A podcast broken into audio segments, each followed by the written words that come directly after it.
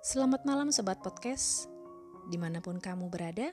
Kali ini Mila akan membacakan sebuah puisi berasal dari penulisnya yaitu Pamungkas Teja Priyatna yang berjudul Kopi Seberang. Dengerin ya. Kopi Seberang Kau suguhkan kopi yang paling aku suka. Sejajar dengannya, kacang goreng yang rupanya kau buat semalam. Pada keduanya terhantar doa-doa tak berkaki. Membisik langit tanpa rasa sakit. Aku ingin terus begini.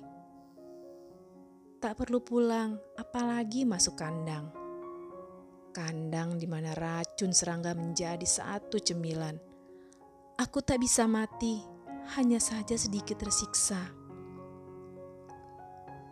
lagi, terus kau lukiskan cerita masa depan.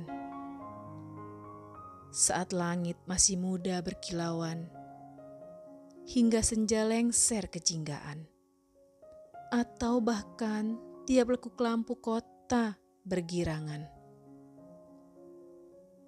Kopimu menculikku selalu, aromanya sampai ke kotaku.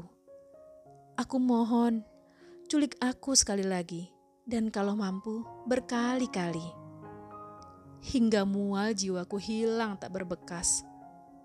Sekarang, aku harus pandai mengingat aroma kopimu, karena aku bisa lupa akan luka.